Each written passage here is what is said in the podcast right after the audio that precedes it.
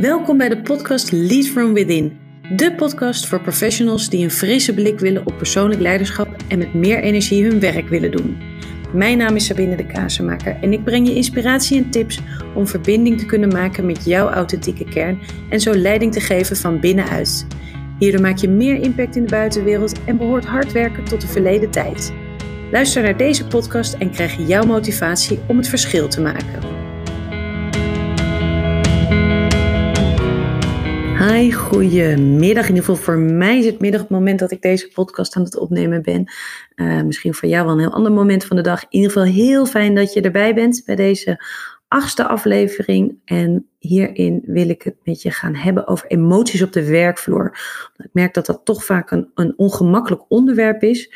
Of een, uh, een onderwerp waarin we niet uh, goed omgaan met datgene wat er in ons gebeurt. En nou, ook nu weer, als je al naar eerdere podcasts hebt geluisterd, heb ik het een aantal keer wel ook genoemd. Ehm, dat we in de westerse wereld gewoon niet goed geleerd hebben hoe we met emoties omgaan. En dus eigenlijk zijn we emotioneel onintelligent um, als je daar niet, um, nou, bewuster actie op ondernomen hebt, naar gekeken hebt, uh, misschien wel begeleiding in hebt gehad, omdat we van huis uit, en dat ook omdat onze ouders dat niet geleerd hebben en onze uh, grootouders, hè, dus dat is een lijn die zo doorgezet is. Um, en nou, daar wil ik het graag met je over hebben. Ook om te kijken van ja, wat zijn nou daar de effecten van als je dat niet doet. En op de werkvloer dan voornamelijk maar ook voor jezelf. Wat, ehm, eh, wat gebeurt er in jou en wat creëert dat om je heen? Ehm, wat ik merk is dat uh, nou, geval op de werkvloer vaak iets hebben van nou, doe maar niet. Uh, we willen dat liever niet laten zien. En proberen die emoties dan te beheersen, zodat het niet zichtbaar is. Zodat er niet voor de buitenwereld duidelijk is wat er daadwerkelijk in je omgaat. Nou, ik geloof hè, vanuit die menselijkheid in organisaties dat dat ten eerste voor jezelf niet prettig is. Uh, en dan druk ik dat nog zacht uit. Um, en tegelijkertijd ook niet voor de samenwerking en, en de dingen die je met elkaar neer wilt zetten. Nou, daar zal ik je in meenemen in deze podcast, hoe ik daar verder tegenaan kijk en wat er volgens mij nodig is om daaruit te stappen en om daar op een effectievere manier mee om te gaan. Um, want ik zei net al, ja, we willen vaak niet die emoties laten zien. Um, dat is niet helemaal waar, want um, emoties als blijdschap of geluk of enthousiasme, ja, die vinden we vaak wel prettig en, uh, en wenselijk. Uh, want het werkt ook heel aanstekelijk. Hè? En het is fijn om bij iemand in de buurt te zijn die die emoties laat zien. Dus daarvan denk ik van, nou, doe maar. Ja, meer. Meer is beter en alle ruimte daarvoor. Maar hebben we het juist over de emoties als pijn, uh, frustratie, boosheid of verdriet, ja, dan wordt het ongemakkelijk. En dan uh, zie je vaak dat er gebeurt dat er neiging is om daarvan weg te gaan. dat het wordt gesust met woorden als van, nou ja, ja komt wel weer goed. Of uh, laat je niet zo opjutten. Um, of als iemand verdriet heeft, zie je ook vaak dat er uh, met, met de beste bedoelingen uh, een hand op iemands schouder of been gelegd wordt, of een zakdoek aangeboden wordt. En dat is allemaal goed bedoeld. Impliciet zit daar een boodschap in van ja, doe maar weg die tranen hè, met zo'n zakdoek. En tuurlijk als iemand helemaal, in het geval van vrouwen, je mascara helemaal doorgelopen is en je ziet niks meer of het prikt in je ogen, dan is het heel fijn om even een zakdoek te hebben. Uh, maar verder, ja, waarom moeten die tranen weg? Um, dus laat dat, laat dat maar lekker lopen. Uh, er moet iets uit, zeg ik dan vaak. En uh, ja, blijkbaar is er nog meer wat eruit moet als er nog meer tranen komen. Dus doe dat maar. Dus het, ja, het gaat dus ook om, ten eerste al, um, over het, het gemakkelijk zijn, het comfortabel zijn bij datgene wat er gaande is. En soms is dat dat er tranen komen. Oké. Okay ga daar zo verder op in. Waar het vaak, hoe dit ontstaan is, hè, dus in die opvoeding, um, in hoe we dat aangeleerd hebben, zit vaak in uitspraken als. Um, en zo laatst vertelde iemand in een één op één uh, tegen mij, een dame met uh, drie oudere broers, uh, bezorgde ouders. Als zij ging huilen, oh, daar gaat ze weer. Hè? Of jongetjes die te horen hebben gekregen, jongetjes huilen niet. Uh, of als het te, lang duurt, nou en nu is het genoeg. Hè? Of loop niet zo te miepen. Uh, of bij boosheid, hij heeft een kort lontje. Uh, dames, dames, meisjes krijgen vaak te horen, hè, doe niet zo kattig. Um, terwijl ik geloof dat, en dat heb ik um, van een trainer ooit gehoord, vond ik zo'n mooie, mooie uitspraak. Dat ging over kinderen. Ik denk dat je het nog steeds ook op volwassenen uh, uh, kan toepassen. En niemand is een klier voor zijn plezier. Dus um, door te jengelen, uh, boos te zijn, maar ook bij tranen, dat, dat doe je niet omdat je denkt, nou, dat vind ik nu even heel leuk om te gaan doen. Daar zit iets onder waar je naar te kijken hebt. Um, maar met al die boodschappen die we van onze ouders gekregen hebben, of misschien wel van leraren, um, krijg je de, de boodschap mee, de impliciete boodschap, doe maar weg die emoties. en er is een soort, soort impliciet streef ook naar blijheid en geluk, want dat is fijn, daar kunnen we lekker mee omgaan en, en, niet genoeg van hebben. Um, maar ja, daarbij vergeten we dat ook de moeilijkere emoties erbij horen. Um, want je kan, je kan niet kiezen van nou, die emotie doe ik wel en die andere die doe ik niet. Zo werkt het niet. dus het gaat erom um, dat je anders gaat leren kijken naar die emoties. En beseffen dat ze bij je horen. We, we, we zijn mens. Um, en die hebben emoties. Mensen hebben emoties. Dat is een feit. en daar kun je wat van vinden. Alleen het is wat het is. Um, dus daar begint het vaak bij om daar, daar met een andere blik naar te kijken. Um, en ik wil het ook nog wat meer verduidelijken met, om te laten zien hoe snel het erin schiet. Hè? En ook hoe, hoe makkelijk we daarover praten, alsof, of, alsof het niet goed ermee om kunnen gaan dat de normaalste zaak van de wereld is. Um, ik had laatst een, eh, een teamsessie en daarin werden persoonlijke dingen gedeeld. En de eerste twee uh, mensen die aan de beurt waren geweest, die, die werden daar ook emotioneel van. Het waren ook heftige verhalen die, die gedeeld werden. Um, nou, en vervolgens was uh, persoon drie aan de beurt en die ging zijn verhaal vertellen. En die werd daar heel emotioneel van. Die kwam ook bijna niet uit zijn woorden en moest even, even pauzeren. Uh, ook daar weer, er werd een glas water gehaald.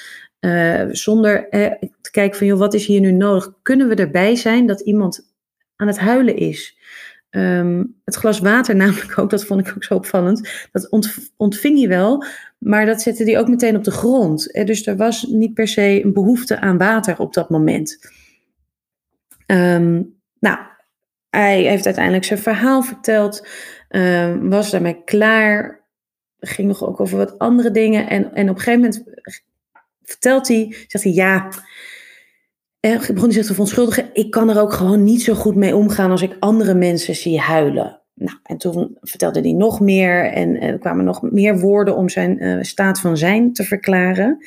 Um, en daar gingen mensen op in, dus ik, ik onderbrak dat en ik zei ook, joh, eh, je, je zei net van ik heb niet goed, ik, ik kan daar niet goed mee omgaan. Um, om daarmee te verklaren dat er tranen zijn. Ik zeg maar, eigenlijk doe je het dus wel goed. Dit is juist hoe het werkt. Dit is uh, ja, wat ons weer mens maakt. Je ziet iets, je hoort iets, dat raakt je en daardoor komen er tranen.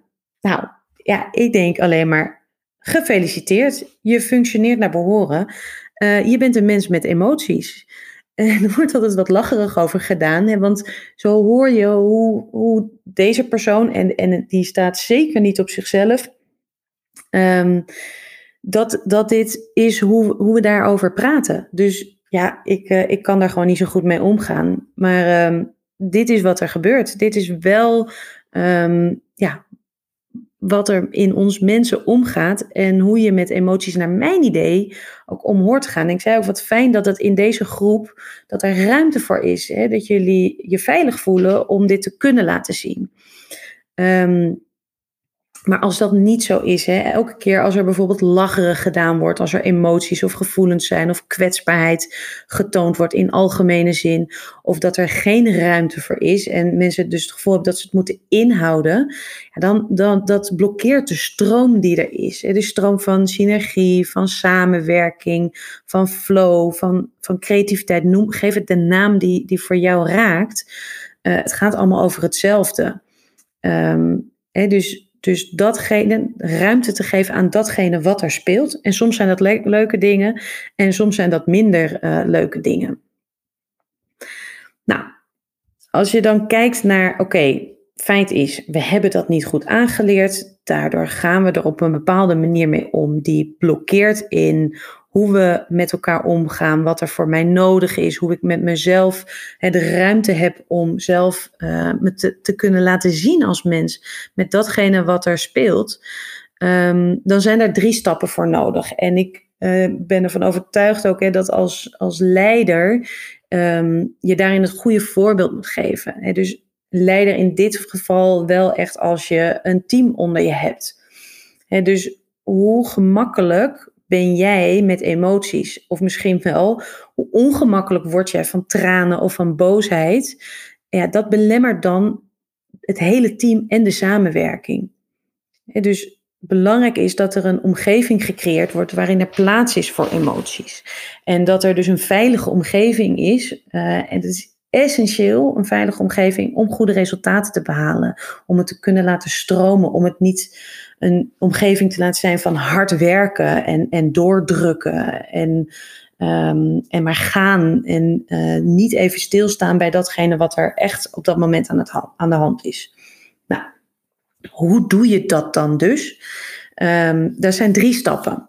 En uh, dat gaat om ten eerste bewustzijn. Nou, dat zal je niet verbazen. Ik ga zo erop uh, in. Bewustzijn, accepteren en actie ondernemen. En om uh, op die eerste in te gaan, dat bewustzijn, ik noemde net al, het zal je niet verbazen dat ik daarmee kom. Um, dat is de eerste stap om eerst eens echt goed op te merken van wat is er in mij gaande? Wat merk ik op in mezelf? Um, nogmaals, hè, die automatische piloot, die wil daar graag uh, van weg. Die wil daar niet naar kijken. Die wil pijn vermijden. Die wil uh, verdriet vermijden. Um, dus die zal naar omgeving gaan wijzen, in de omgeving gaan kijken van ja, jij moet ander gedrag vertonen zodat ik geen pijn heb. Die gaat proberen zijn eigen uh, gelijk te krijgen. Maar uh, nou ja, die, daarmee doorbreek je het niet. Dus dat bewustzijn, dat gaat over zelfreflectie en zelfobservatie. Dus de ingang tot een transformatie op dit vlak. Uh, zodat je zicht krijgt op datgene wat er in je omgaat. Zonder daar dus meteen overheen te stappen vanuit een overlevingsmechanisme.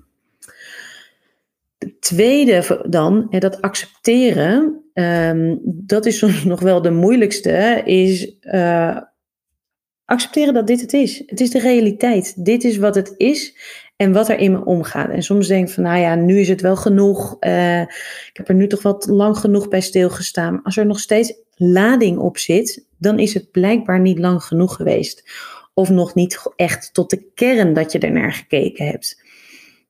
bij, als het gaat om boosheid, um, en boosheid kan zich uiten in frustratie, um, weerstand, um, daar zit altijd verdriet onder en daar zit altijd het verlangen onder. dus daar heb je naar te kijken. Dus accepteren dat het er is Um, en dat dat, dat dat nu de realiteit is, dat het bij je hoort. En um, dan kom je ook op nummer drie, daar actie op te ondernemen. Hè? Want vaak bij accepteren denken mensen, um, oké, nou ja, dan moet ik het accepteren en, uh, en dat is het dan. Nee, dat is het zeker niet. Ik ga niet op de bank zitten, ik zit het te accepteren en, uh, en, en daar verder niks, uh, niks mee doen. En accepteren gaat, of actie ondernemen gaat erover uh, om het eruit te laten op een gepaste manier. Want um, dat is ook vaak wat er rondom emoties hangt. Dat mensen denken, ja, maar als ik dit nu laat zien, nou dan komt er iets uit. Dat kan echt niet. Um, en misschien is dat in, in sommige gevallen waar. Hè? Dat je als je op dat moment gaat praten, dat er dan een versie uitkomt waarvan je denkt, ja, dat had ik niet willen zeggen, zo had ik het niet bedoeld. En dat eigenlijk de situatie verergerd is. Dus dan is het heel fijn om ehm, een dag te wachten voordat je iets uh, feedback misschien wel aan iemand gaat geven. Ehm, wat wel fijn is dan op dat moment, is om voor jezelf uh, misschien wel tegen jezelf uit te spreken, uh, het op te schrijven, um, het met an, iemand anders erover te hebben. Uh, zonder het, op een roddelende manier te doen, maar wel juist ook te kijken van wat gaat er nou in mij om en wat is hier nou echt aan de hand. Um, soms helpt het ook om het eruit te laten om te gaan sporten. Ik vind sporten een hele fijne manier um, om te ontladen. En nou ja, soms je hebt ook uh, bokstherapie bijvoorbeeld. Hè? Dat, kan, dat, dat zit hier ook heel erg aan gelinkt om, om vooral als we nog niet gewend zijn, goed om daar woorden aan te geven en dat er nog heel veel opgekropt in dat lichaam zit, om dat eruit te laten. Um, ja, misschien wil je wel gewoon even heel hard gaan zitten huilen. Um, en dat betekent niet dat je dat per se op de werkvloer meteen doet. Maar wel dat je die tranen eruit laat. En hard huilen hoeft ook niet per se. Maar gewoon dat er, als er tranen zijn, dat je, dat je die er laat zijn. Uh, of misschien wil je wel even schreeuwen om het eruit uh, uit te gooien. Maar ik begon al met die actie ondernemen. Het uitlaten op een gepaste manier. Dat zijn misschien dan meer de dingen die je nog eerst met jezelf doet. Uh, en dan vervolgens gaat kijken, oké, heb ik hier met in relatie tot een ander ook nog actie op te ondernemen? En wat is dat dan? Want wat we vaak ook uh, doen, of wat ik vaak hoor, is: ja, er was een situatie, vond ik niet zo leuk, maar de volgende dag wil ik het over hebben. dacht ik, nou, het gaat, het is oké, weet je, we gaan wel weer door. Zo belangrijk was het niet. Um, maar daarmee hoopt het ook op in jezelf dus, de, en dan, wat er dan vaak gebeurt, is eh, hoe vaker je het inhoudt, dan komt er op een gegeven moment wel zo'n explosieversie uit, waar we vaak initieel al bang voor zijn. En ik vergelijk dat vaak met, uh, met een colafles, waar de, een nieuwe colafles waar de dop nog niet vanaf is gegaan. En elke keer als er, nou, als jij even een, een soort tik krijgt, waar dat je verdriet voelt of pijn voelt of boosheid en je laat dat er niet uit, is alsof er aan die fles geschud wordt. En elke keer weer, wordt er weer aangeschud en weer aangeschud. En elke keer denk je, nou, het is oké, nou, nu is niet het moment, morgen ook niet en daarmee laat je het gaan. Lijkt het, maar je laat het niet gaan. Wat er gebeurt, hè, als je steeds aan een colafles uh, schudt en, um, en daar niks mee doet, als je dan op een gegeven moment die dop eraf haalt, ja, dan komt er een fontein uit. En dat is die explosie. Dus belangrijk is om wel daadwerkelijk datgene wat er gaande is, eruit te laten. En nogmaals, dat betekent niet dat het altijd op het moment zelf moet of uh, goed is om het op dat moment zelf te doen. Maar wel te kijken, oké, wat is er dan nu belangrijk? Op welke manier kan ik het wel doen? En moet ik daar later nog een extra actie op ondernemen? Door bijvoorbeeld met iemand het gesprek aan te gaan. Wat daaraan dus verder ook nog zit, hè, is, uh, misschien heb je wel eens gehoord van, uh, van de zin uh, zonder wrijving geen glans. En die wordt vaak ge, uh, gebruikt in relatie tot veranderprocessen. Um, of conflicten tussen personen of afdelingen. Hè. Maar wat mij betreft geldt dat dus ook echt voor je eigen ontwikkelingsproces. En het aankijken van je mindere eigenschappen, van die patronen of intense emoties die voorbij komen. Want die, die horen bij jou. En um, het is niet altijd alleen maar een, uh, een gezellig verhaal. En, vaak is dus die neiging om dat weg te drukken, dat te vermijden, er omheen te lopen. En doen we, nou, dan is het er niet. Ik kijk het niet aan, dan is het er niet. Uh, maar goed, helaas, zo werkt het niet. En dan blijft het juist bestaan. Het wordt opgeslagen in je lijf. En wat je ziet is dat daar vaak ziektes door ontstaan. Uh, en die rationaliseren we dan. Hè, van ja, het is tijd van het jaar. Of uh, het is nu gewoon heel druk. Um, maar wat ik zo mooi vind, en een vriendin uh, zei me ook laatst um, weer die zin: if you, if you don't listen to your body when it whispers, uh, you will hear it scream. En dus hoe eerder je luistert en bewust kijkt naar datgene wat er in je lijf gaande is, um, ja, dan hoeft, hoeft, dat niet groter te worden om het onder je aandacht te, te brengen. Want dat is wel hoe het werkt. Het zal steeds groter worden. En um, uh, nou, daar, daar ontstaan uh, soms, uh, als het gaat over nekpijn, over stress die zich ophoopt, hoofdpijn. Ieder lijf heeft zo zijn uitingsvormen. en daar heb je, heb je naar te kijken om dat goed te kunnen ontladen. dus effectiever dan met jezelf door het leven ook te kunnen gaan. Juist ook wanneer het lastig is, dat serieus nemen en daar, daar actie op ondernemen. Uh, en dat gaat niet vanzelf.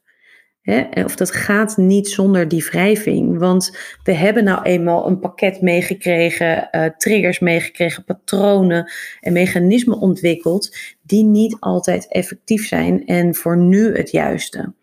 Um, maar ja, die 95% weer, als, je, als je daar niet bewust mee, mee aan de slag gaat, dan is dat wel wat je steeds in blijft zetten. Ehm, en nogmaals, ik geloof dat, dat je in de samenwerking ook met elkaar, maar ook dus als leider het juiste voorbeeld hebt te geven om uh, hoe je hiermee omgaat. Um, in de vorige podcast had ik het ook nog over de core-methode die ik heb ontwikkeld. Die kun je op mijn website ook uh, uitgebreider nalezen. Maar de, de C van de core, uh, dat is dat gaat hierover. Hè? Het verbinding maken met je lijf, je gevoelens en je emoties. Uh, en te kijken naar datgene wat je opmerkt en dat serieus te nemen. En dat kan zijn dat ik um, bijvoorbeeld ook met het team waar ik het net over had, maar ook in één op één sessies, begin ik vaak met een meditatie, uh, met een bodyscan. Ik help mensen te reflecteren. Um, dus dat kan je doen door met iemand erover te praten, maar ook zelf misschien wel een dagboek bij te houden. Uh, aan het eind van de dag um, te reflecteren op situaties die voor zijn gekomen, waar je misschien juist heel tevreden over was of minder tevreden. En wat, wat ging er in jou om? Wat was je initiële reactie? Um, welk effect heeft dat gehad? Hoe tevreden was je met het resultaat? Hoe had je er misschien eigenlijk mee om willen gaan? En dus zijn zo allemaal vragen die, waar je zelf mee aan de slag kunt, of wat juist fijn is uh, om daar met iemand over te praten. En belangrijk voor mij is in dit verhaal ook altijd om daar oordeelloos naar te kijken. En dat is soms heel ingewikkeld, want we hebben er door al die boodschappen die we meegekregen hebben, allemaal oordelen over. En dat zijn al die zinnetjes die je zelf vertelt van nou, nu is het genoeg, of dit is niet het moment, of komt zij weer aan. Um, ja, dit is wat het is. Um, dus wat mij betreft is er geen goed of fout, zolang je maar serieus neemt wat er gaande is in jou. Um, nou, ik merk altijd dat ik dan zo een heel verhaal heb en denk jeetje, dit is eh, wat ik je in ieder geval wilde, wilde vertellen. En ik besef ook dat dit, juist omdat we dit niet zo geleerd hebben, het soms ingewikkeld is. Of dat je misschien wel zegt, ja, ik zit echt, in een omgeving waar dat niet gestimuleerd wordt. Of waar er, uh, wat ik net ook zei, lacherig over gedaan wordt. Um, zo heb ik zelf ook um, in een omgeving gewerkt, helemaal in de beginjaren, waar juist veel mannen waren. En, uh, en ik vaak de enige vrouw. En ik het ook echt wel ingewikkeld vond om. Um, nou, daarin, er was, er was geen ruimte voor mijn gevoel toen, hè, voor emoties. Eén uh, op één deed ik dat wel vaker, maar ik vond het heel spannend om dat uh, in grotere overleggen te laten zien. Misschien geldt dat voor jou nu ook wel. Um, ik heb geleerd dat het juist helpt om daar wel ook zelf stappen in te ondernemen, zelf de ruimte voor te creëren. En nogmaals, ook daarin niet meteen bij iedereen alles maar op tafel moeten leggen. Uh, maar wel kijken welke eerste stap kan ik dat doen. Voor mij was dat uh, een gesprek met mijn toenmalige manager aangaan. Um, daar was ik toen ook in tranen. Dat vond ik eerst nog heel ongemakkelijk. Um, maar dat heeft wel de boel opengegooid. Um, dus nou, wil je daar naar kijken en zeg van nou, ik ben wel benieuwd Sabine, waar zie jij dan een eerste mogelijkheid of hoe kan ik dat in mijn situatie doen? En nogmaals, neem contact met me op. Er zit ook weer hier de link bij uh, om een afspraak met me in te plannen. Uh, het is allemaal vrijblijvend. Ik vind het juist fijn als, als iemand dat doet om mee te kijken en kijken van ja, waar kan nou al een eerste opening gevonden worden om iets in gang te kunnen gaan zetten. Voor nu. Ik ben heel benieuwd als je een reactie hierop wil geven. Laat het me ook weten. Dat kan ook via dat contact, uh, die contactpagina. Uh, of bel me. Vind ik uh, alleen maar hartstikke leuk om, om te horen wat jouw idee hierover is. Misschien zie je het wel heel anders. Mag ook. Vind ik ook alleen maar fijn om te horen. En um, ja, laat het weten. feedback is ook altijd welkom. Um, ik blijf in ieder geval gewoon lekker doorgaan met de podcast uh, opnemen. Dit was voor nu uh, nummer 8. En bedankt voor het luisteren. En ik hoop dat je de volgende keer er ook weer bij bent.